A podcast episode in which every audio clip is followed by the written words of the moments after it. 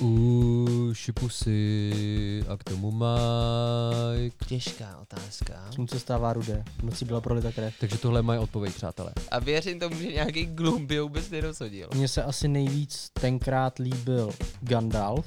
Já jsem jako úplně první, ale já jsem, já bych nejdřív chtěl, aby promluvil Luboš. Klíčové heslo Tom Cruise. No, tyjo, to, to je těžko říct, jo, protože, jak jsem říkal, byl tam Balrog. Já myslím, že řekneš bomba dildo. Ale já si myslím, že Luboš dneska dal spoustu informací.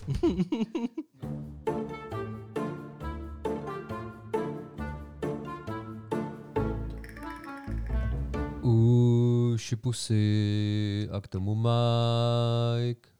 A s Jirkou a Filipem ještě tajemný pan Ela. Je to cajk, když jsme tu takhle tři. Se soškou zaklíná a če, pa, če. To vychází z pána prstenu. Všechno, všechno fantazii, veškerá fantazie vychází z pána prstenu a my jsme zase tady. Vy jste čekali týdny, ale my jen sotva pár sekund. To znamená, že jsme pánové času. My jsme Kronos, nebo tak nějak. Děkujeme, že posloucháte Uši Pusy Mike. Doufám, že touhle dobou už bude třeba spuštěný Patreon, takže nám budete posílat i příspěvky a bude hodokvas. Hodokvas je slovo, který mě naučil Harry Potter, Albus Brumbál, on to tam používá, jednou tam použije slovo hodokvas, hned si v kamení mudrců. Věděli jste, že Ianu McKellenovi byla nabídnuta role Brumbála? Uh-huh. Ano. A odmítl jí kvůli pánovi prstenu. Kdyby vy jste byli Ian McKellen, anebo kdybyste nebyli Ian McKellen, ale byli byste Jirka Chrouc, co hrál Gandalfa, odmítl by si Albuse Brumbála kvůli tomu, že si hrál Gandalfa? Počkej, ty si tu otázku položil tím způsobem, že já bych mohl být jak Brumbál, tak Gandalf. No, protože on přece mohl být obojí. To nebylo tak, že by si vybíral buď a nebo. Tedy aspoň já mám takovýhle informace. On měl být až druhým Brumbálem, ne? To nevím, ale prostě mohl být Brumbálem. Těžká otázka. Těžká. Tak si ji promyslit, Luboši. Tam by záleželo na tom, jak Na by vnímal svoji kariéru, protože zase by zaškatulkovaný jenom jako takovej starý Jako čaroděj, jako, jako starý, největší čaroděj všech dob, vole, ať už tam nebo tam. Já bych neváhal ani, ani vteřinu. Takže tohle je moje odpověď, přátelé. Já kdybych zahrál Gandalfa a pak mi nabídli, nechci být Brumbál, tak bych řekl, no proč jste nepřišli dřív? to, to, to se podle mě neodmítá. To je stejný, jako když Gandalf někdo dostal hůl, nabídku hrát mý já. A všichni, ne, já tomu nerozumím, tomu scénáři, vole. Myslíš Pak to- Smitha, jo? Třeba. A pak, si, a pak to viděli a říkali, ty vole, to jsem posral.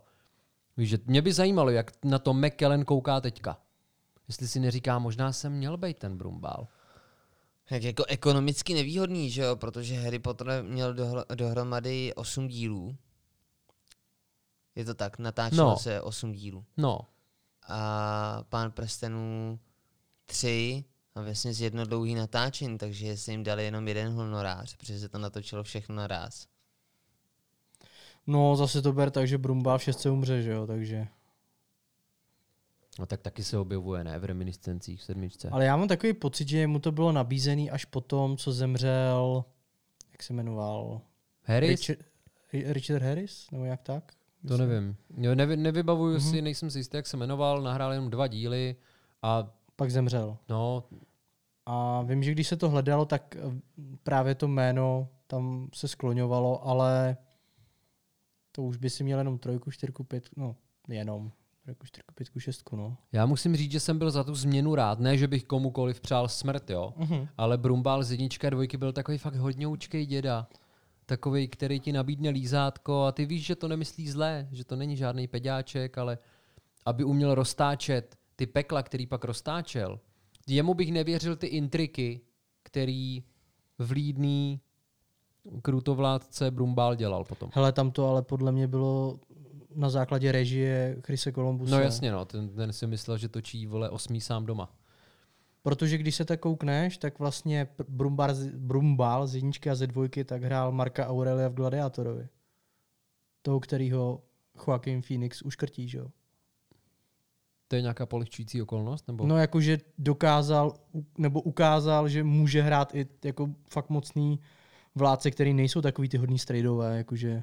On teda v tom gladiátorovi byl dost bezmocný, ale chápu, kam míříš. Ale měl tam, měl tam vlastně docela jako zásadní rozpravu s tím svým synem, kde jako ukázal, že taky jako nebo obhajoval se, že jo, obhajoval to, co tam jako dělá. My jsme si teď hodně utekli. Přátelé, doufám, že jste ještě neutekli. Doufám, že Nebo jste mezi tím, klasická pětiminutovka, všechno je doufám, že pořádku. jste mezi tím vyžehlili tunu trenek a spodárů a podobně. A teď jo, já bych začal zvolna. Protože já už jsem v prvním díle říkal, že v současnosti mám samozřejmě nejradši Samvěda Křepelku. To je teď moje nejmilejší postava, ale nebylo to tak vždycky. A mě zajímá, kdo byla vaše nejoblíbenější postava, když jste to viděli poprvé, a pak napříč historií, jestli se to proměňovalo a kdo je to teď. Žebříček takový. Možná. Ale mě zajímá mě jenom ten top. Jenom ten strop. Mhm. Tak. Ze začátku to byl eh, Legolas, Orlando Bloom, já byl fakt malý a líbily se mi jeho tričky. Bylo mi, kolik jsem to říkal, 10, 11, Aha. takže tam se mi líbilo, jak byl takovej bojovný, takový nebezpečný, jaký Bojovnej? ninja. Jo, myslíš takový tak, ninja. takový ten týpek, který vždycky řekne to, co je úplně zřejmý? Takhle já jsem ho vnímal. Že tam je Ale jenom na počkej, takový ty jako, z- znova- tak mu dáme v tom scénáři nějaký prostor, ale tady řekneš, vole, eh, je to příliš smutné, nedokážu to překládat. Hm, díky. Slunce stává rudé, v noci Jo. byla prolita krev. Ty vole, to je prostě něco jak novodobý Vinetů. Teď to pojmenoval hezky, ale... Básní přírody. Ne, ale já znova, znova, teď říkám, mně se tam líbily, líbily ty jeho artistické kousky občas. Jak jsem dal Olifanta třeba. Třeba, třeba přesně tak. A, ale to ti a- nebylo deset, kámo. A Gimli, To- no to to, ne, ale, v Návratu ale Gimli, krále. Gimli řekl, ale to se počítá za jednoho. Takže tam to bylo. A pak se to vyvinulo a myslím si, že to byl asi Aragorn. Tam se mi líbila ten, ten jeho vývoj. Ten, to, jak se, řekněme, spíral svýmu osudu. Nechtěl ho přijmout. Hm? Asi jo, nepřemýšlel jsem nad tím takhle nikdy. Celkově si myslím, že ty postavy jsou tam hezky, hezky vyrovnaný. Že tam každá má svoji specifickou roli, která je důležitá. No to určitě. Jak to A máš zároveň ty? je každá ta postava teda dobře napsaná, že je to tak dobře napsaný a zároveň to tak dlouhý, aby se každá ta postava mohla nějak vyvíjet. No a ty si před sám vědem měl koho? Já jsem jako úplně první, ale já jsem, já bych nejdřív chtěl, aby promluvil Luboš. Jo, dobře. Protože já jsem znesl otázku, takže já to pak, já to pak zavřu. Já vás obejmu do své vlídné náruče. O, hele, asi na první slídnutí, když vemu, protože já jsem celou tu trilogii viděl najednou, tak mně se asi nejvíc tenkrát líbil Gandalf, protože vlastně na začátku společenstva absolutně nepůsobil tak přesíleně nebo jako tak silně, jako byl potom v, v průběhu. A teď neberu jenom to, že se z něj potom stal Gandalf bílý, ale už i jako ten šedej se dokázal postavit Balrogovi, že jo. Ale když tam přijíždí právě do, do toho kraje, tak působí spíš fakt jak nějaký pouťový kouzelník, který rád objíždí mejdany a dělá ohňostroje. A když pak člověk jako vidí, že to tak vůbec není, že, že to dělá spíš nad rámec svý, svý práce, tak je to fajn. Docela hezký odkaz je na to vlastně i v Hobbitovi, kde, kde mu Bilbo říká, vy jste ten, co dělá ty, ty, ty pouťový triky. A on, no, trochu jsem doufal, že si mě budete pamatovat i trochu jinak, než jako pouťový kouzelníka. Ale potom, asi když už jsem byl starší, začal jsem vnímat trošku víc ty charaktery, tak mě Aragorn taky, protože se mi strašně líbí. Podobně to má společného, bych řekl, s Brumbálem, že on se bojí, že by jako podlehl té moci, kterou, která jako je mu souzená, že má být tím králem a bál se, že by to nezvládl, stejně jako Isildur, že jo. A že by podlehl třeba pokušení něčeho. Nemuselo to být prsten, ale mohlo to být, že by začal, jak říkají mladí, moc flexit třeba, jakože na tom trůně a už by mu nešlo o ty moc zájmy by těch lidí. trůnil. Moc, Moc- by, moc by moc by trůnil. na to trůnil. Moc by trůnil. A mně se strašně líbí ten člověk, který si tohle dokáže připustit a vždycky, než přijme teda nějaký ten benefit, nějakou to postavení a moc, tak se fakt zamyslí, jestli má charakterové vlastnosti na to, aby to mohl dělat. A Aragorn do toho potom šel vlastně ve chvíli, až kdy už jako to jinak nešlo a musel musel se tam do toho čela postavit, aby sjednotil ty ostatní a porazili teda toho, kdo je všechny chtěl zničit. Jo? Takže to za mě byla asi ten důvod, proč si té postavy jako cením úplně nejvíc. No. To je celý, jo? Jakože ty jsi začal u Legolase a skončil si u Aragorna. Ty Počkej, jsi ty jsi chtěl, ty jsi, ty jsi neřekl, začal... jako, že tam může být vývoj, kde ti vyjmenuju všechny postavy. Když jsem to řekl na začátku, v průběhu, teď. Já mám pořád toho Aragorna. Teďko, doteď. A ono je to i skvěle zahraný, ty vole, to jak to prostě Vigo zahrál, to bylo parádní. Navíc byl věrný, i když nemusel, což je jaký dobrý, že jo?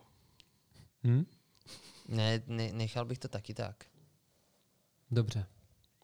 Mě asi jenom mrzí, že nikdo neskloňuje toho Samvěda Křepelku, protože já, když jsem teďka naposledy viděl opětovně trilogii, asi nejblíž, co jsem nikdy viděl, protože na začátku že jo, jsem měl společenstvo prstenů, pak jsem čekal rok a pak jsem viděl dvě věže a pak zase rok.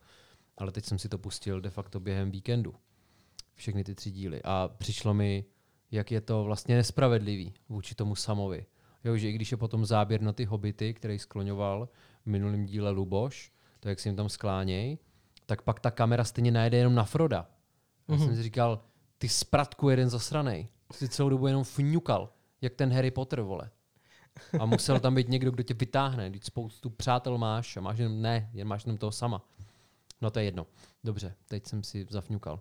A já, když jsem to viděl poprvé, tak jsem měl nejradši Aragorna, protože se mi právě líbilo, jak to svým způsobem nehrotí. Jak dělá tu správnou věc, jak se možná vyhejbá tomu svýmu osudu. Už a cítil jsem, že je to někdo víc, už v momentě, kdy oni přišli k tomu skákavému poníkovi, on tam jenom bafal tu dýmku a ksichtík mu trošičku ozářil ten ohýnek a pak jak si toho Froda odvedl a říkal mu prostě lákáte k sobě, poutáte k sobě moc pozornosti, pane Podhorský. A miluju tu scénu u Elronda v Roklince, když si tam Boromir otvírá držku a Legolas se zvedne a říká, to je Aragorn, syn Araturnův, si jeho leníkem. A ten Aragorn by to vůbec neřešil. On by neměl potřebu mu to plácnout do ksichtu. A tímhle mi byl strašně sympatický. Já mám totiž většinou rád ty, řekněme, silné postavy. Tak life, úplně vidím, jak by to... Ale kdybych to viděl té posloupnosti a rychlosti jako Luboš, tak by se mi asi taky líbil Gandalf, protože mám rád ten jeho vývoj.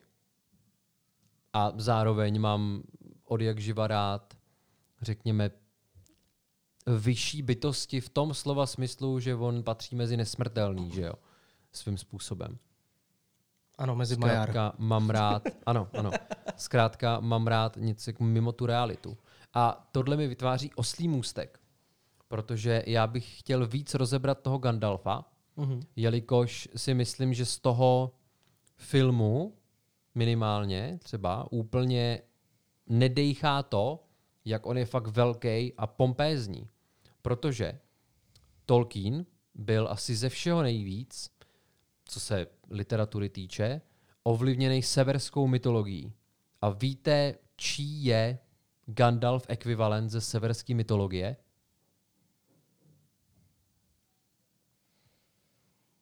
Naši posluchači teď poslouchají to ticho, mm. které se rozprostírá v místnosti. Ale já nevím, proč se řekla severská mytologie, já mám v hlavě Thor, ale to nebude ono, takže... To nebude. No. Hmm. Co Jiříku? Pověz. Jsou tam jasný vodítka. On je ekvivalentem Odina. On takže jeho táta, nejvyš, tak se tam byl daleko. nejvyšší bůh, že jo? Tak se nebyl daleko.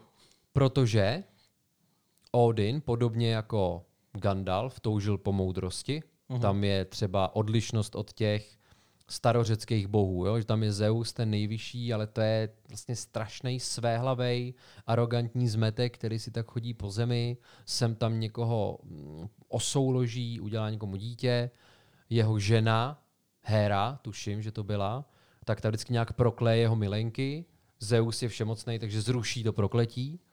A je takovej, no, asi nazval bych to arogancí moci Jo, mimochodem staré řecké báje s Jirkou taky rozebereme v našem podcastu, protože to je bomba. Jo, takže tam je spíš příklon k té severské mytologii a k té moudrosti u toho Gandalfa. A co je důležitý, u Gandalfa dojde k tomu znovu zrození, že on spadne do té Morie, tam se utká s Balrogem, zvítězí a pak se vrátí, dojde k, no, k tomu zmrtvých stání. A to se stalo i Odinovi. To je Odin, aby se dostal na nějaký ten vyšší level bytí, tak on se musel vypíchnout oko a oběsit se. V tomhle je taky ekvivalent s tím Gandalfem. Mhm. Gandalf je jako větší borec, než si lec kdo myslí. A třeba, když se vrátíme k tomu ovlivnění katolickou vírou, tak že Kristus, boží syn, byl jaksi trojjedinej. Já jsem našel, že existuje takové dělení jako Kristus kněz, Kristus král, Kristus prorok. A kdyby jsme tu trojedinost aplikovali na postavy pána prstenů, tak Kristus kněz je Frodo, Kristus král je Aragorn a Kristus prorok bude Gandalf. Zase já třeba, když porovnám teďko film a knížku a zůstaneme teda u toho Gandalfa, tak mě tam překvapily určitý věci, které ve filmu toho Gandalfa dělali fakt tím vůdcem, tím moudrým. A jedna z těch věcí, která je v knížkách vlastně původně jinak, je třeba, když přicházejí do Morie, nebo když mají do Morie, tak Gandalf je proti ve filmu, ale v- knize je to Aragorn, který si uvědomuje to nebezpečí té Morie Mhm. a nechce tam. Naopak Gandalf tam říká, že mají do té Morie, což je docela takový jako, když jsem to četl, tak mi to najednou, nebo takhle, v tom filmu mi to dávalo najednou tak jako větší smysl než v té knížce, protože jsem si říkal, ten Gandalf je tam od začátku vykreslovaný jako taková ta moudrost v tom společenstvu. Aragorn řekněme jako taky, ale bylo to, bylo to pro mě taky překvapivý, že a bylo tam víc takovýchhle situací, teď už si nevybavuju přesně v kterých momentech, ale že ten Aragorn tam na mě působil jako moudřejší, ačkoliv mm, Gandalf je tam pořád jako ten vyšší, ta vyšší bytost. A zase můžeme třeba, říct, že uh, Aragornovi tam už taky nebylo úplně málo. Tomu taky bylo, když pánové prstem přes 100 let mu bylo, nebo nějak tak prostě. Ty jo, nevím jestli tolik, ale myslím, že se to říká v té rozšířené verzi ve dvou věžích. No, On úda- to tam říká tý Eowyn. Jo, údajně zemřel ve 210 letech Aragorn. Takže Přesně tak, říká to tam tý Eowyn a bylo mu přes to, myslím, něco, Hmm. nebo kolem stovky to bylo. Já si taky myslím, že něco, no. že byl tak v půlce toho svého života. Ale jenom jsem chtěl říct, že uh, právě jak tady říkáš, že prahnul po té moudrosti Gandalf, tak mně třeba přijde Gandalf moudřejší ve filmu než v knihách. I když zase většinu těch věcí stejně vyřešil tak jako ve filmu, tak i v té knize. Bo- Boj s Balrogem a takhle. A to posunutí je tam taky jako stejný, no. Že se posunul díky tomu, díky tomu, že teda toho Balroga uh, se propůjčil tomu, že se obětuje za to společenstvo a, a postaví se mu sám. Dobře. Má k tomu ještě někdo něco ze zde přítomných? Ke Gandalfovi? Asi ne. A další téma, které by bylo záhodno rozebrat? Co Jiříku? Ty jsi tady o té pauze tvrdil, že máš strašně moc papíru a potřebuješ to vyčerpat, my ti No, dáváme prostor. No mám, ale já bych právě nerad vypadal, že si ho uzurpuju, ne, v víš? pořádku, pokračuj. Dobře. Jak v prvním díle říkal Luboš, že o těch hobitech se toho moc neví, Uh-huh. tak to samozřejmě nepopírám, ale chtěl bych se jim trošku věnovat, Uh-huh. protože o tom jsme se taky s Lubošem bavili, než jsme začali natáčet, že Tolkien má zkušenost z první světové války Uh-huh. a do té světové války šel se svýma třema kámošema. Takže čtyři kámoši vyrazili do války a naprosto netušili, co je tam čeká. To je taková hezká paralela s Frodem a jeho hobití družinou. A v literatuře se tenhle ten princip toho, že jsou nějaký hrdinové, který jdou někam a neví, co je čeká a jsou takový neznalí, tak tomu se říká princip portálu, jak jsem zjistil. Aha. A je to v podstatě princip vytvořený pro diváka či čtenáře, aby se seznamoval s tím světem. Tak, jako se s ním seznamujou ty postavy dané knihy. a je to třeba hezky vidět v Alence v říši divů, anebo v Narnii. Mhm. Že vždycky skrze ten portál, proto se to asi tak jmenuje, se dostanou do toho světa a ten pak objevujou. Ať už v Hobbitovi Bilbo, anebo v Pánovi prstenů Frodo se samém a dalšíma hobitama. Tohle jsem k tomu chtěl říct. K hobitům. Dobře, tak já mám k Hobbitům, k eh, Hobbitům Foresta filmový postřeh. Hobiti, jak jsme se už dozvěděli v tom předcházejícím díle, byli ještě menší než trpaslíci. Jo, Mhm. A zajímavý je, že si myslím, že spousta lidí předpokládá, že když se ten film natáčel, tak tam docházelo k nějakému digitálnímu zmenšení těch postav. A to já jsem si samozřejmě myslel taky. Ale ono to tak není. Samozřejmě to není ani tak, že by vybírali záměrně her- herce, který jsou tak eh, šíleně malí. Tím pádem by třeba ještě po Sambět, kdyby se vybíral na, na základě velikosti, tak si myslím, že Sambira by třeba mohl nahradit Tom Cruise. A myslím ale si, on asi ten že- Sean Astin že taky bude malý, Tom ne? Cruise by byl dobrý pomocník. Ten by taky nepotřeboval kaskadéra. A věřím tomu, že nějaký glum by vůbec nerozhodil. Co ne, tak ten by do hory, k hoře osudu letěl, rovnou- letěl rovnou v Migu, vej, takže a, Ještě by tam hrála ta skvělá hudba. Mission Impossible. Dobrá. Tak, Luboš tady zvedl telefon. Místo to, aby řekl, co se děje, tak jenom zvedne telefon. Tak my vám řekneme, co se děje. Volá nám Jo. pan řidič, pan řidič, který přinesl jídlo. My jsme a- si totiž objednali papání. To znamená, že poslední klíčové heslo před reklamní pauzou, před jídelní pauzou je Tom Cruise. Tak schválně, jestli na to potom dokážeme navázat. Já mám totiž super věc k tomuhle, k té velikosti. Dobře. Klíčové heslo Tom Cruise a jsme zpátky. A já to teď konečně můžu doříct, protože jenom dám vám antré, abyste se chytili. Chtěl jsem se bavit o efektech zmenšování. jenom abych to upřesnil, pořád jsme u pána prstenů.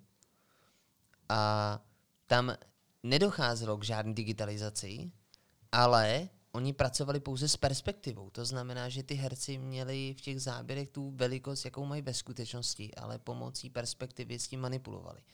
Nevím teda, jestli se to skutečně dalo aplikovat úplně všude. Asi kdybychom šli do detailu, tak přijdeme na to, že někde si museli nějakým způsobem pomoct. Ale eh, dočetl jsem se, že skutečně pracovali s perspektivou. No a víš, co to má za důsledek například? Pověz mi to. Že Elijah Wood a Ian McKellen se nikdy nepotkali na place. Aha. Nikdy netočili scénu spolu, ačkoliv spolu byli v mnoha scénách. Mhm. Tak Gandalf a Frodo se potkali až na plátně. Možná se ty dva herci mohli potkat až na premiéře, no, po- potřást si rukou a říct si, že se mají rádi. To je podle mě, vole, kumšt.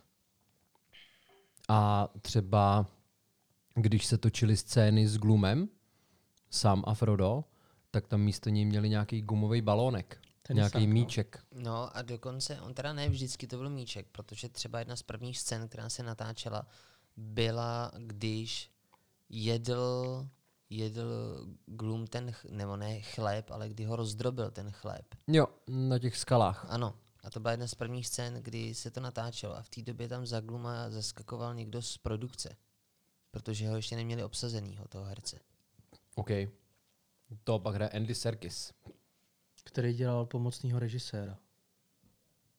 No, ono bylo víc podobných uh, pomocných režisérů, ne? Jo, ale třeba on už potom byl jako hlavní režisér druhého týmu u Hobbita. i.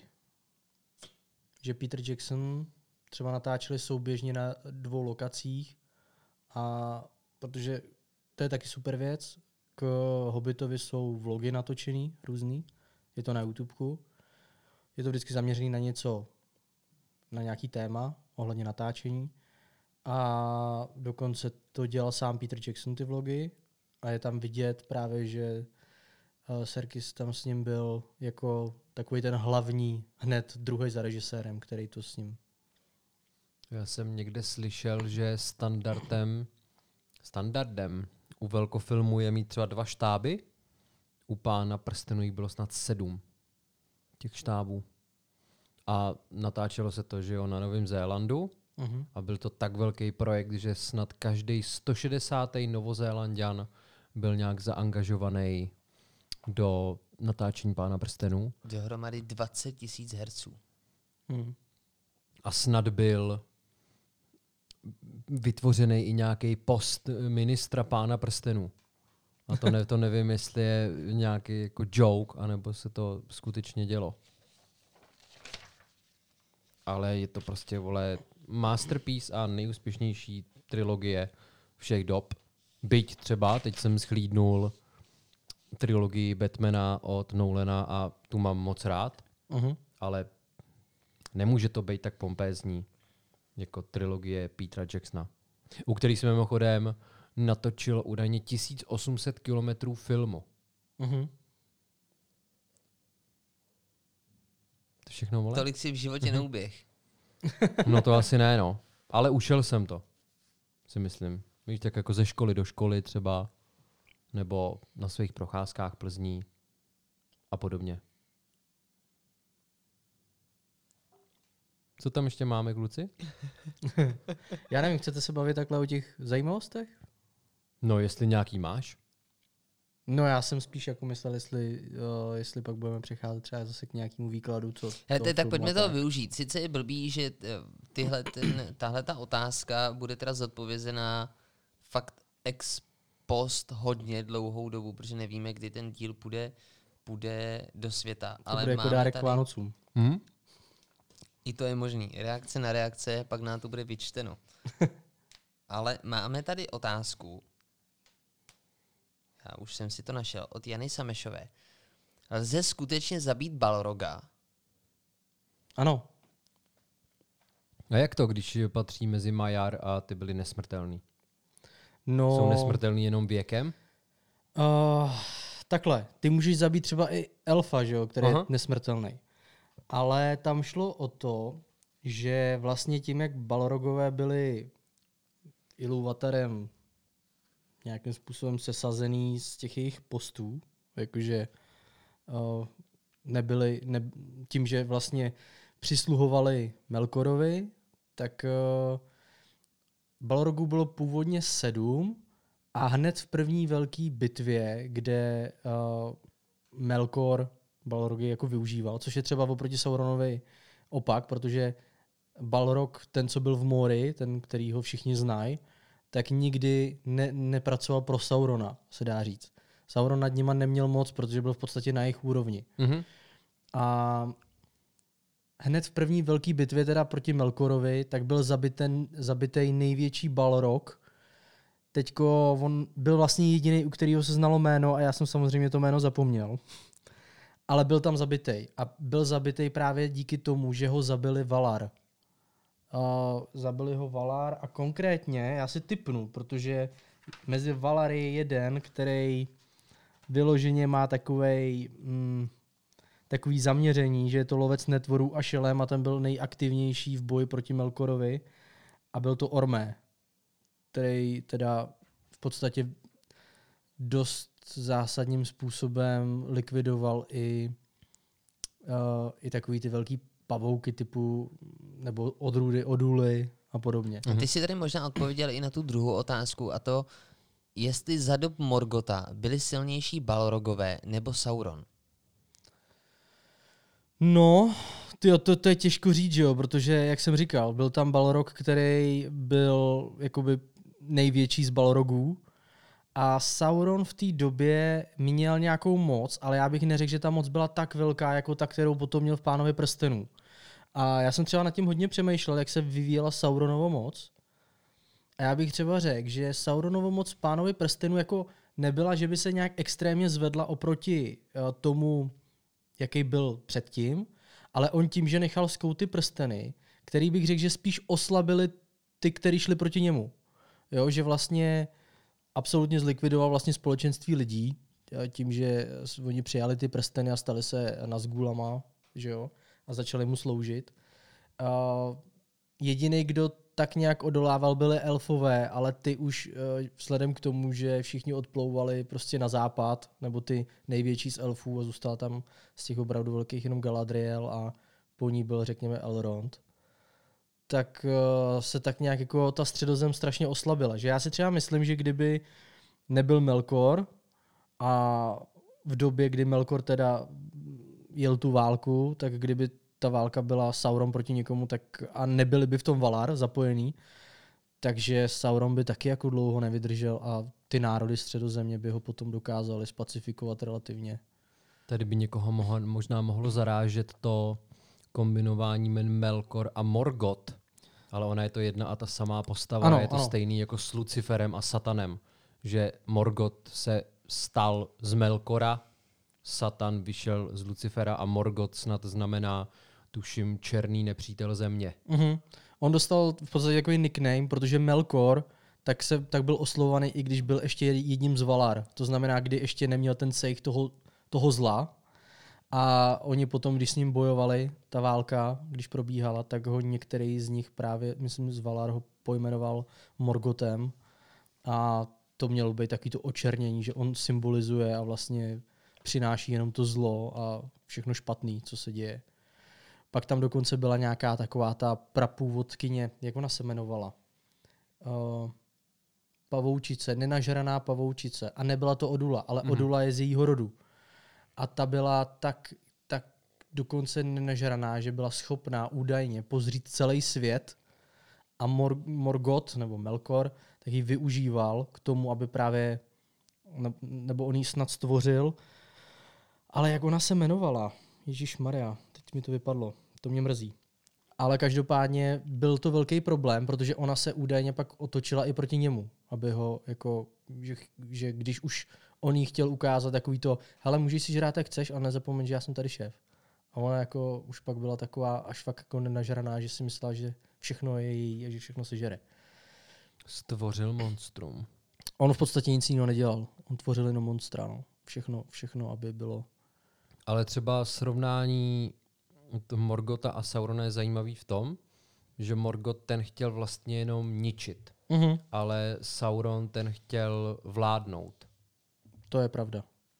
A údajně měl takovou, řekněme, jako obsedantně kompulzivní poruchu, že on miloval řád a symetrii, Mhm. což možná vycházelo z toho, že byl kovář.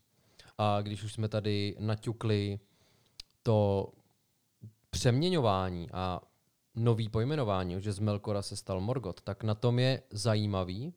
To je zase taková paralela k tomu eh, křesťanství a Tolkienovo katolicismu, že tam neexistuje nějaký jednoznačný zlo. To Mhm. zlo se v tom člověku třeba projeví až časem, ale na začátku všichni začínají z pozice nějakého dobra. Jo, že třeba i Smígl byl nejdřív, řekněme, hodnej a až pod vlivem prstenu se z něho stal Gloom, Mhm. nebo právě z toho, z toho Melkora se stal Morgoth. Nebo třeba i Saruman, že jo, začínal Jako, jako, dobrý, no. kladná postava. Největší nebo třeba vznik skřetů, jo, že skřeti pochází z elfů. A e, Skurudhaj, tuším, jsou nějak jako deformovaný zlí lidi, nebo tak. Hele, jestli si dobře pamatuju, a teď, teď jako neberte to jako úplně stoprocentně, ale mám pocit, že jsem kdysi dávno právě koukal na skuruty, jak vznikly. A ty údajně vznikly z toho důvodu, že skřeti, který vytvořil Morgoth, tak uh, oni měli jednu velkou nevýhodu a to bylo, že byli hrozně bojácní a nedisciplinovaní. A oni tohle chtěli vyřešit, protože aby třeba porazili právě Dunadany a podobně, nebo elfy, který byli výborní válečníci a stačilo vlastně podstatně menší množství, aby rozprášili nějaký, nějaký množství skřetů, tak oni začali právě křížit jako dunadanskou krev, elfí krev a podobně, aby získali ty jejich vlastnosti. A takhle vznikly skuruti, který byli jako nebojácný, ale neslo to i takové věci, že nebyli tak jako úplně tupí. Že když dostali nějaký jako rozkazy, který jim připadaly, že jsou v podstatě sebevražený, tak se mohli tomu jako spírat. Takže Že získali, nebyli tak oddaný. nebyli tak oddaný, no. Ale byli strašně silní, a, protože vycháze, měli v sobě krev a, staršího lidu a, a dokázali, dokázali být jako mnohem lepší bojovníci. Takže byli strašně obávaný, no, skruti. OK. Jiříku, ty vypadáš, jako kdyby se k něčemu připravoval. Ke spánku. Já tak dobře jsme se najedli. Mně se to pěkně poslouchá. Dou- Doufám, že to stejně vnímají i naši posluchači. Já jsem se teď vžil jenom do role posluchače. Je to tak, taková příjemná pohádka. To je, já, no, já po tom, co si tady spolu už nějakou dobu povídáme, pro nás už je to hodina a půl, tak si říkám, že asi dneska dorazím domů a pustím si i pána prstenu. Já jsem si řekl úplně to stejný. Hm, já uvidím, jestli to moje druhá polovička přijme. Aby jsme si týden potom, co jsme dokoukali trilogii, začali znova pouštět A nebo, trilogii. nebo můžete jít do Hobita aspoň. Ty vole, ten mě srál, kámo. Já to jsem, chápu. Já jsem, na, na jedničku jsem šel, Hmm. protože jsem byl natěšený, odešel jsem zklamaný, na dvojku jsem šel, že jsem řekl, dám tomu šanci, Maria, tak Jackson, Tolkien, Zéland, ne, mám to rád. A na trojku jsem se vysral. Na to jsem prostě neměl. Co přesně ti tam vadilo? Za prvý mi vadil ten princip, že jedna kniha byla rozdělená do tří dílů Mhm. A působilo to na mě jako taková touha nějakým způsobem za každou cenu doplnit toho pána prstenů. Udělat ti k tomu takový intro, který je ale až zbytečný. A zároveň jsem měl pocit, no a on to je asi pádný pocit, že se tam míchají věci, které tam vůbec nepatří do toho hobita. Že Hobbit je, řekněme, svébytná kniha, svébytný příběh, který by si zasloužil být sfilmovaný a zpracovaný tak, jak byl sepsaný. Jako vlídný dětský dílo. Jo. Protože to byla dětská knížka.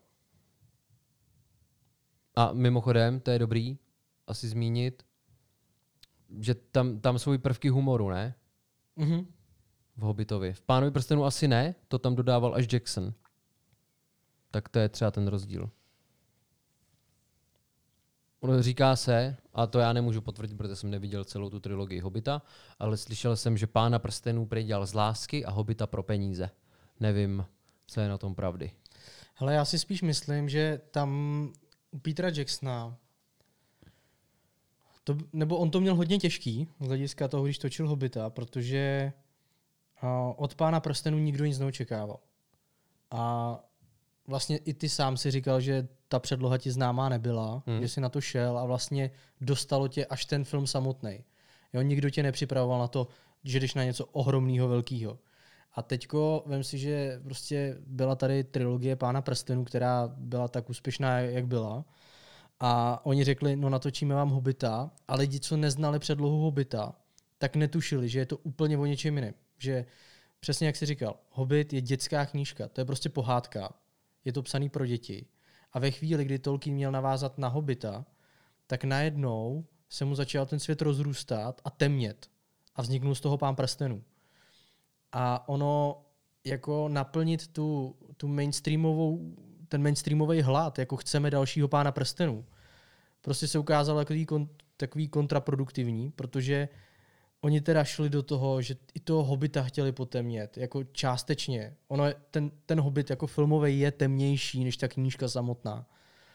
Ale moc se to tam nehodí, protože ta předloha tak psaná není prostě.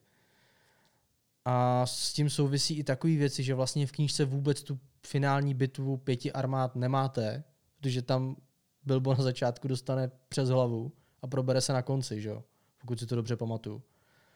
A tady, tady je to epická bitva, kde vidíme Torina bojovat proti Bílému skřetovi a takovéhle věci. Na druhou stranu je fér asi zmínit, že ačkoliv to nepovažujeme za film, který by dokázal konkurovat Pánovi prstenu, Mhm. což je úplně bez řečí, tak ale co se týká úspěšnosti toho filmu, tak nemůžeme ho brát za neúspěšný film. to, že on na to nenavázal a že, řekněme, nenaplnil očekávání, to tady řekl tajemný pan L. Jo, jo. To jak hrad v Karpatech, Luboš a tajemný pan L. Ty, já přemýšlím, že i normálně v osobním životě, nejen v tom podcastu, tě tak začnu oslovovat. Jo. Skvělý. Tak tam skutečně je dobře zmíněno to očekávání. Jo, já jsem teď schválně rychle jsem si projel hodnocení na CSF, dobře jsem si uvědomil, že jsem to asi nikdy neudělal. Mhm. A doufám, že jsem to zapamatoval správně. První díl 81, druhý 80, poslední 75. Mhm. A když se člověk obecně od toho oprostí od toho, že je tam ten pán prsten, tak když se podíváte na tohleto hodnocení, já to občas dělám, Mhm. že se mrknu na film, který třeba neznám a podle nějakého hodnocení si řeknu dám mu nebo nedám mu šanci v některých eh, momentech. A jak, jakmile je to přes 70, tak si říkám, jo, stojí za to tomu dát ten čas.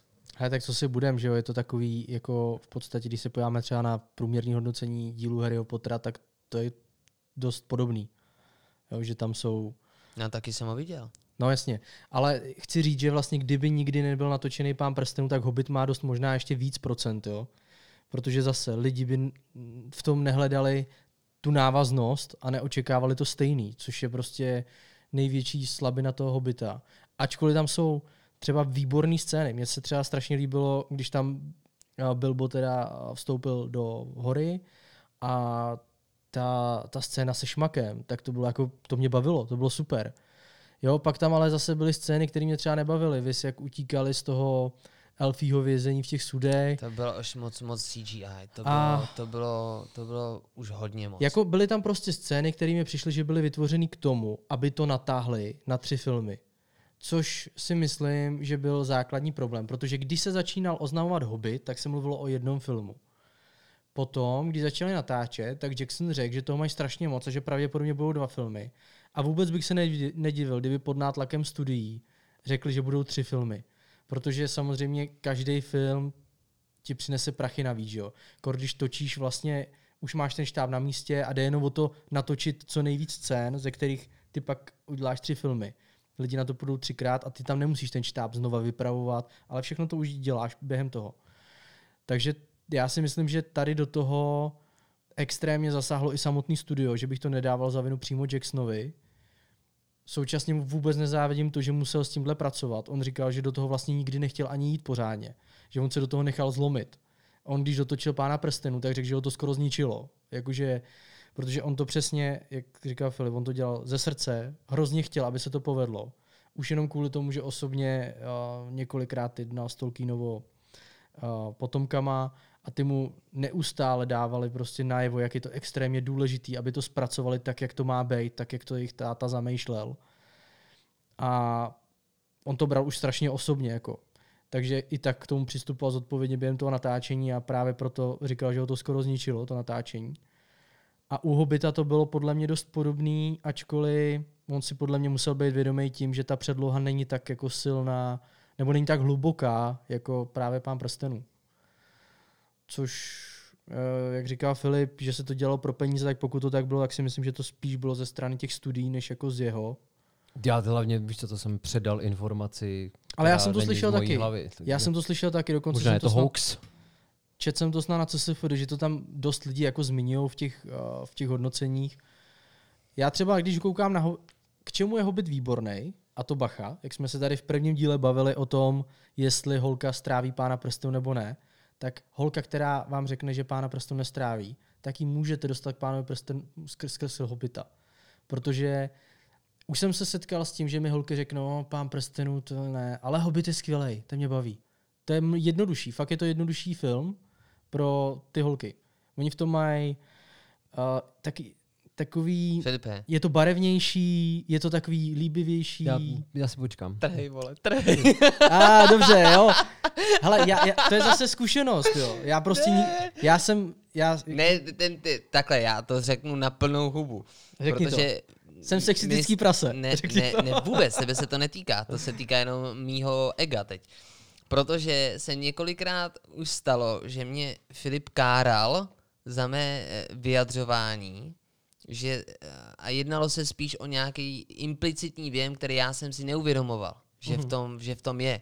A myslím si, že i Filip tušil, jako, že si to neuvědomuju a měl, měl tedy nutkání mě s, s touto situací obeznámit. a já čekám, nebo říkám si, že by mi pomohlo, kdyby, Jako v čem pomohlo? Na, na, na tajemného pana L pohlíželo stejným metrem, když Jo. vstoupil do našeho podcastu. Tak, takže, takže ty mě tu chceš veřejně linčovat prostě, Ne, dobře. vůbec ne. A vůbec ne, ale po, Ale já tohle, já když to Luboš říká, tak to nevnímám nutně jako generalizaci, víš? Tady kdysi, dámy a pánové, byla scéna, kdy, mi, kdy jsem seděl určitým způsobem nohu přes nohu a skříp jsem si koule, protože jsou tučný. A Jirka mi řekl, no, takhle chlapi nesedí. A to mě nasralo, jo?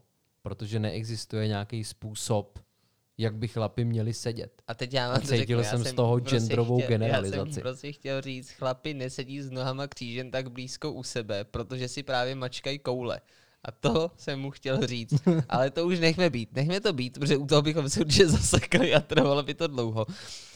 A tak to dořekni, že teda ty holky Ano, sn- myslím snáší, si- myslím vidíš si, to že- jo? Ty holky snáší líp hobita. Ale, ale jde, jde o to, že prostě, hele, takhle. Budeme se bavit o holkách, který nemají rádi pána prstenů. Rádi.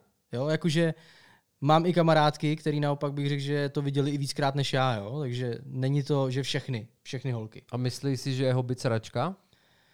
Vnímají to taky, že je to slabší, ale protože jsou takový faninky toho pána prstenů, tak to prostě přijímají, že je to součást toho, jak se říkal, univerza a nějakým způsobem to akceptují. To je něco podobného, jako já třeba, uh, nevím, mám rád Matrix a musím akceptovat i třetí díl, takže když se kouknu na Matrix, tak se kouknu holt i na třetí díl, který je fakt špatný pro mě. Jako jo. A je, je to to stejný. Stejně tak jako Hobita, poslední díl nemám rád z toho důvodu, že on mě nedokáže tak jako nabít těma emocema. Když tam umírá Torin, tak já necítím ani vlastně to stejný, co jsem cítil, když umíral Boromir. Prostě ačkoliv Boromir tam nebyl ten nějaký hlavní hrdina a byl dost jako takovej, že vlastně už i hrozilo, že nabourá tu cestu toho společenství a Thorin tady naopak se snažil od začátku víc ty trpaslíky, prošel si tam tím zlomem, že vlastně nejdřív ho to pohltilo, ta, ta touha po tom zlatě, potom se zase vrátil na tu, na, na tu stranu toho uvědomění a dobra, nebo jak to říct. Pak tam zemře a já to vlastně vůbec jako neměl chuť jako nějak oplakat, nebo prostě, jakože ne, že bych ho neměl rád, ale nepřišlo mi to, že by to na, na ty moje emoce tak útočilo jako ten pán prstenů. Nějaký klučina to na YouTube i rozebíral, proč jsme víc prožívali pána prstenů než hobita. Protože v Hobbitovi není sám? Ano, to tam říkal hned na začátku. Bod číslo jedna, není tam sám. Bod číslo dva byl, že vlastně oni nám nerozkryli přesně ty charaktery a tu historii těch postav tak jako v Pánovi prstenů. Nezdůrazňovali tam tolikrát, proč ty postavy, třeba proč Aragorn odmítá přijmout tu, tu, tu královskou tíhu nebo tu, tu zodpovědnost. A neustále ti to tam jako dávali najevo, proč, proč, že pochybuje a tak. A to tady vlastně nebylo. Že tady ty postavy se rozhodovaly velice rychle na základě aktuálních věcí, moc toho v nich z minulosti nebylo. A když, tak to bylo třeba v prvním díle Hobita, kde si cítil, že ty trpaslíci prostě chtějí domů, protože nemají ten domov. A někdo jim ho vzal a od té doby jsou prostě vykořeněný. Tak tam to bylo cítit. Ale jakmile se dostali do té hory, šmaka, šmaka vlastně zabili, ty já tady spoileruju. Jsme měli říct spoiler talk, ty možná předtím. Hm, Já si myslím, že když už je to dílo tak starý, tak... Uh, jo, jakože, Právě. jakože kdo neviděl Hobita a Pána prstenů, tak vlastně by se měl stydět. Měli, do, měli dost šancí se na to podívat, Jasně. vole. Takže jestli to ještě neviděli, tak je to asi nějaký statement. Uh, no, jenom jsem chtěl prostě říct, že tam rozebíral různé věci, můžete si, můžete si to najít na netu. A když už jsme u toho netu, tak já doporučím pro všechny lidi, kteří jsou takový jako trošku gíci a mají rádi fantazy a mají rádi nejenom Pána prstenů, ale i Zaklínače, Harryho Pottera a, a všechny tady ty světy, tak je skvělý kanál na YouTube, jmenuje se to Lore Masters a je to klučina, který tam namlouvá velice takovou příjemnou o, takovou příjemnou cestou, vám odvypráví příběhy ať už ze středozemě, nebo prostě právě ze zaklínače. A je to, je to já, si to, já bych si to dovedu představit, že bych to poslouchal třeba před spaním. Takový hezky jako, on to i načítá tak jako hezky pomalu. Vlastně tam není vidět, on to čte jak povídku, jak kdyby přečítal knihu. A jenom tam běhají takový hezký obrázky z fantasy světů a tak. Řeší tam třeba i hru o trůny a všechny tady ty věci, co se fantazie jako týkají. Super. Takže teď už jsem kecal dost dlouho, tak kluci můžete Abych se vrátil k tomu, jak Jirka vytáhl to hodnocení, jo? 81, 80, 75, když to porovnáš s tím pánem Jak modelka prstenů, nějaká. tak podle mě, hm, ne, asi neúplně šik. No, když to porovnáš s tím pánem prstenů, tak je to hodně, hodně dál od toho. A myslím si, že už nějaká takováhle analogie v UPMku padla a jestli ne, tak by měla padnout. Představ si, že by nějaká žena třeba porovnávala tebe a tajemného pana L a jeho třetímu dílu by dala 92, to by 75. Víš, oba jste v červených číslech, ale je to úplně jiná liga, tyjo. Takže podle mě... Počkej, já, já to teď nezachytil. No, protože ty si to popisoval tak, že to hodnocení Hobita není zas tak špatný. Ano. Ale já si myslím, že to, kdo ví, jaký není, a ještě k tomu, když to srovnáš s tím pánem prstenů, Ano. tak mi ten rozdíl připadá jako dlouhý most třeba a na jednom konci už jsi blízko sendviči a na tom druhém musíš přejít celý ten most, aby se znajet.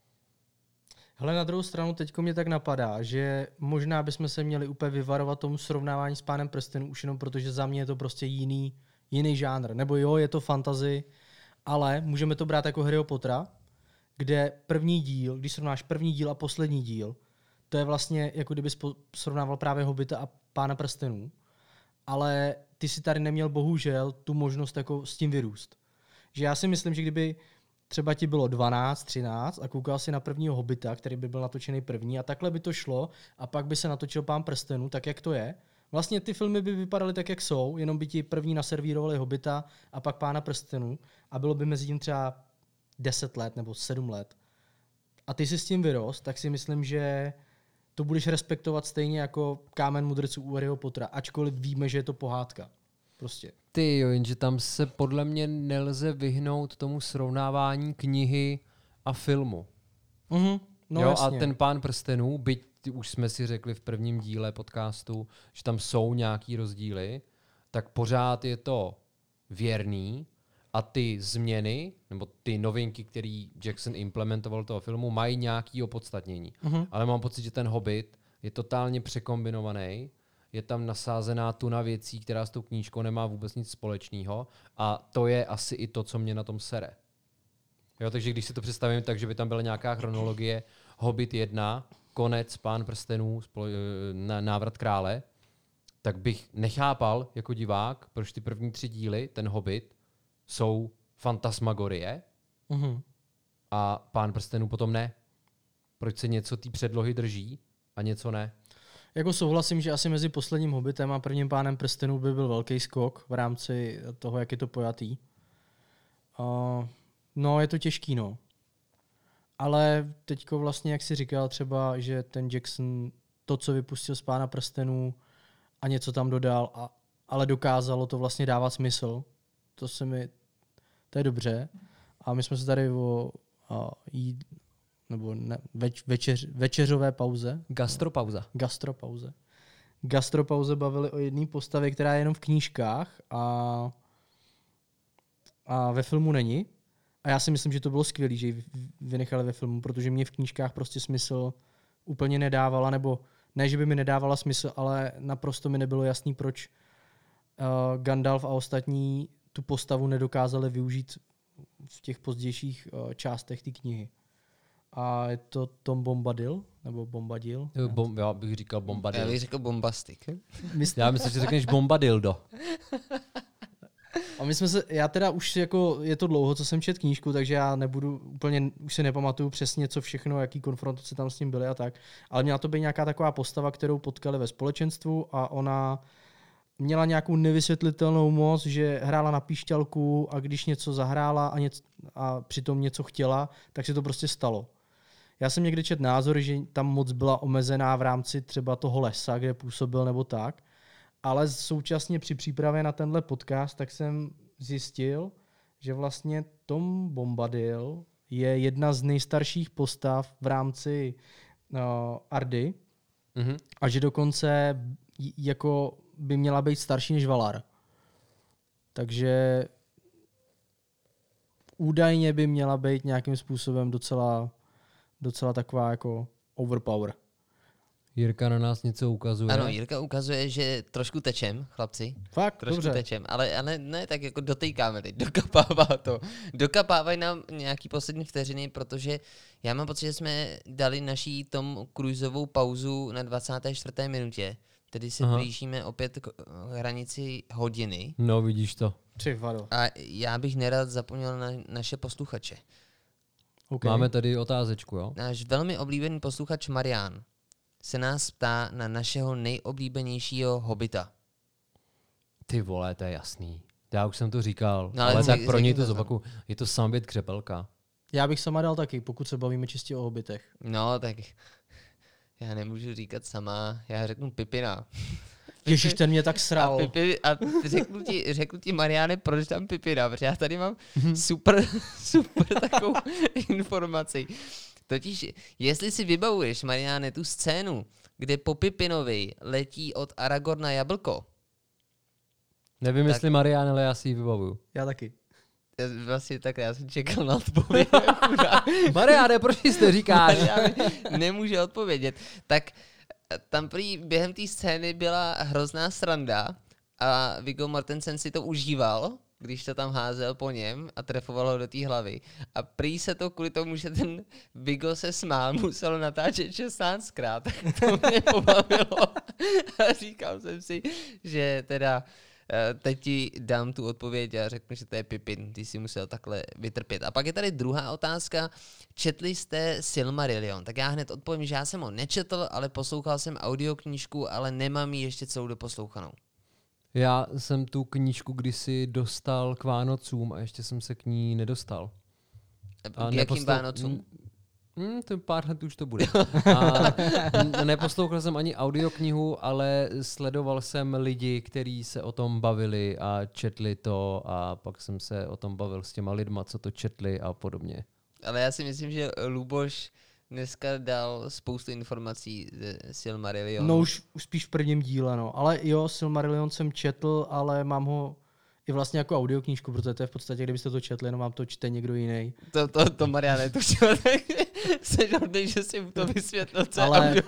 Ale no tak jako jsou audioknížky, jsou audioknížky, které jsou udělány jako rozhlasové hry, že jo? Tak to není přímo, přímo čtený slovo, ale je to zpracovaný do nějakého scénáře. Ale Mohli bychom udělat nějaký, nějaký díl, kde bude ten výpadl vysvětlovat věci, vole. Co je to banán? No tak banán to je druh ovoce, většinou je žlutý. Když je nezralý, tak je trošičku zelený. To byste neměli jíst, protože je tvrdší. Jasně. Dobře, tak jsem měl, měl, měl jsem říct, že se ještě mimo audioknížek, tak poslouchám rozhlasové hry, a, ale já, jim to, já tomu říkám jakoby stejně, že jo. Jirka se udusí. No, ty vole. Já už jsem se bál, že to dneska nepřijde. No, víc v prvním díle si o to lidi chodilo.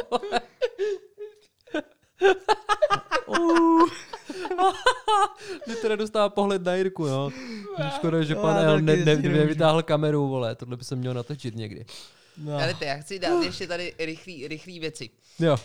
Uh, Peter. Jackson, Peter Jackson se objevil v každém ze třech dílů. Mm, prvním Stejně jako taky. jeho dcera. Ano, byla tam i jeho dcera, přesně tak. Eh, Co se mi hodně líbilo, že Christopher Lee se skutečně potkal s Tolkienem. To je Jo. dobrý, Mhm. to je dobrý. On totiž každý rok, co ta knížka vyšla, tak ji četl.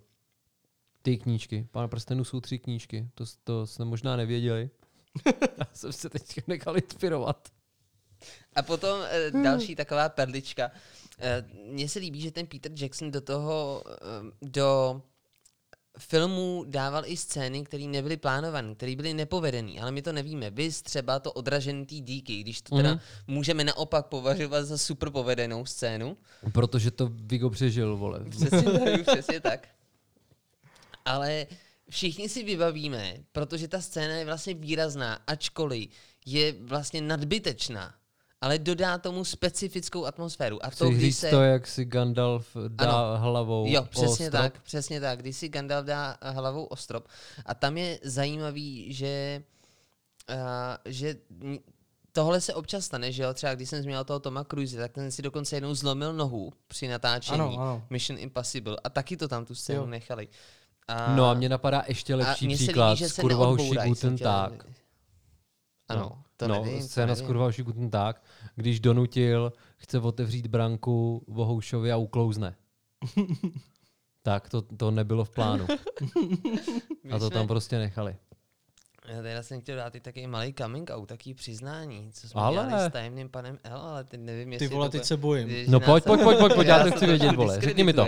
Ale když jsme u tady těchto těch scén, tak my jsme uh, s tajemným panem L, je to podle mě tak 4-5 dní zpátky, jsme si koupili pivko a kecáme a hodně jsme se bavili o nějakém procesu dospívání. A v tom jsme si řekli, nějak jsme se bavili o, o filmech a o tom, jak nás zasáhli snowboardáci. Jo, A my jsme se rozhodli, že si pustíme snowboardáky, takže jsme pili a u toho koukali na snowboardáky.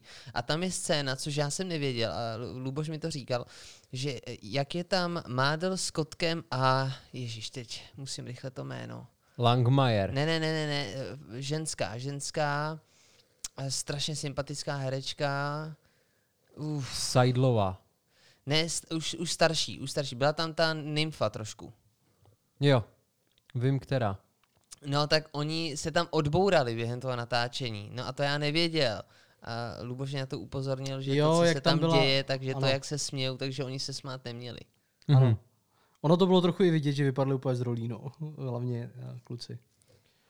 Tak jenom mám rád, když se takovýhle v úvozovkách nepovedené záběry dostanou do filmu a v Panovi prstenu je to taky. A mě dokonce ještě upozorňovali některý lidi na to, že je tam někde v záběru kombajn. Já ho nikdy nenašel, ale prej tam někde je. No a třeba bylo zakázaný lítat nad tou oblastí, kde se natáčelo, ale dva lidi to porušili a doživotně ztratili legitimaci k lítání. Řidičské průkazy, průkazy k řízení letadla. Tak. A pak mám otázku ještě. Já jsem se někdy dočetl, že Galadriel je babička Arwen. A já jsem si říkal, že se vás na to chci zeptat, protože já to nevím. No, taky jsem to viděl a slyšel. Ale jestli je to pravda, nemám jejich rodokmen. Nemám jejich strom života a bytí. Hele, dneska jsem ty rodokmeny procházel a kecal bych, jako jestli to tak bylo nebo ne. Nevím, Dobře. takhle.